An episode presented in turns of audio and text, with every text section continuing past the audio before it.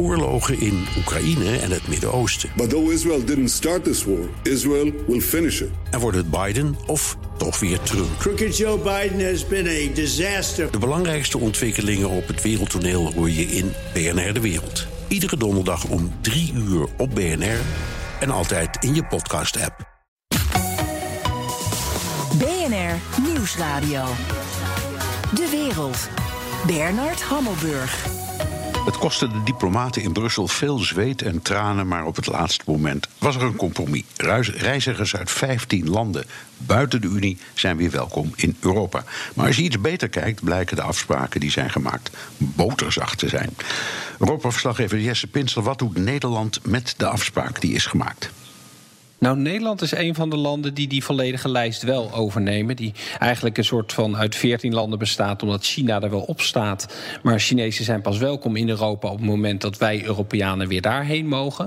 Maar als je iets verder gaat kijken, zijn er heel veel landen die helemaal niet die volledige lijst overnemen. Wat ze trouwens mogen doen hoor, want het is een nationale bevoegdheid. Dus het is meer een soort, soort ja, advieslijst zou je het kunnen noemen. Dus je ziet bijvoorbeeld dat Tsjechië, die zegt tegen burgers uit Algerije, Tunesië, Marokko, Rwanda, Georgië, Uruguay, die allemaal op die lijst staan. Die Tsjechen zeggen: jullie zijn voorlopig nog niet welkom, want wij Tsjechen mogen nog niet naar jullie toe. En in Oostenrijk hoeven ze eigenlijk nog geen mensen vanuit de Balkan te hebben, terwijl Servië en Montenegro op die lijst staan. Nou ja, goed, tenzij ze dan twee weken in quarantaine willen gaan, eerst dan kan het. Ja, welke andere Europese landen willen nog geen reizigers van buiten de EU toelaten? Uh, in België hebben ze in ieder geval gezegd uh, dat ze die hele lijst nog niet gaan invoeren. Niet voor 7 juli. Nou ja, goed, dat is dan over een week. Italië wil het ook voorlopig nog helemaal niet, uh, niet doen. Kijk, en als die, die niet-EU-burgers, zeg maar, als die aankomen op een vliegveld, dan kan je natuurlijk daarop controleren en zeggen: U bent niet welkom hier.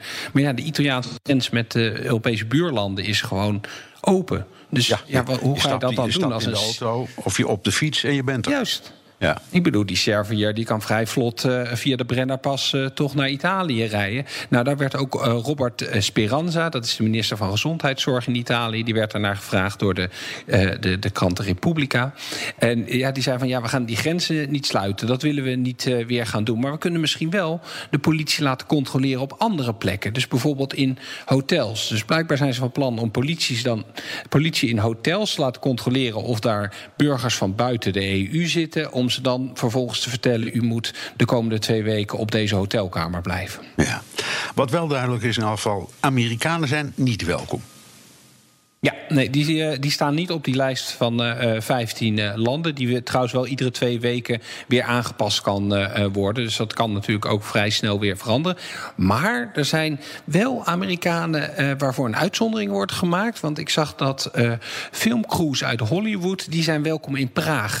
Die hebben allemaal hun opnames moeten staken vanwege de coronacrisis. Maar de filmster Orlando Bloom, die kan gewoon weer verder gaan met de opnames van Carnival Row.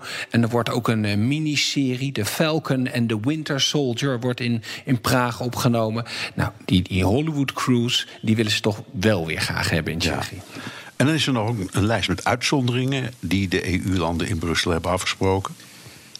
Ja, ja, het klopt. De, EU-burgers kunnen zelf gewoon natuurlijk nog steeds terugkomen. Of als je al lang in Europa woont. Maar die lijst is wat uitgebreider geworden. Dus het wordt voor studenten bijvoorbeeld eh, ook goed mogelijk om wel hier naartoe te komen. Ook al kom je uit een van die landen die dus niet op die lijst eh, staan.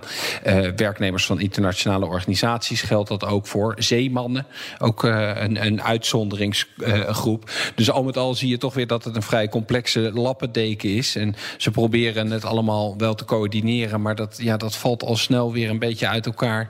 En het gaat echt niet alleen maar over de, de, de zorgen over het coronavirus. Het gaat ook over gewoon, ja, nou ja, economische belangen. Zoals die, die Hollywood-films die met een mooie achtergrond van Praag, zeg maar, die daar opgenomen moeten worden. natuurlijk. En natuurlijk ook een enorme dosis politiek. Als, je, als we bij jullie er niet in mogen, we bij ons dosis. ook niet. Precies, ja. En zo is het. Dankjewel, Europa-verslaggever Jesse Pinster. En wil je meer horen over Europese politiek? Luister dan naar de podcast Europa Mania van BNR en het FD. Ook Diana Matroos vind je in de BNR-app. Ja, inderdaad. Je kunt live naar mij luisteren tijdens de Big Five. Ook handig in de BNR-app. Breaking nieuwsmeldingen, maar ook het allerlaatste zakelijke nieuws. En je vindt in de app alle BNR-podcasts, waaronder Wetenschap Vandaag. Download nu de gratis BNR-app en blijf scherp.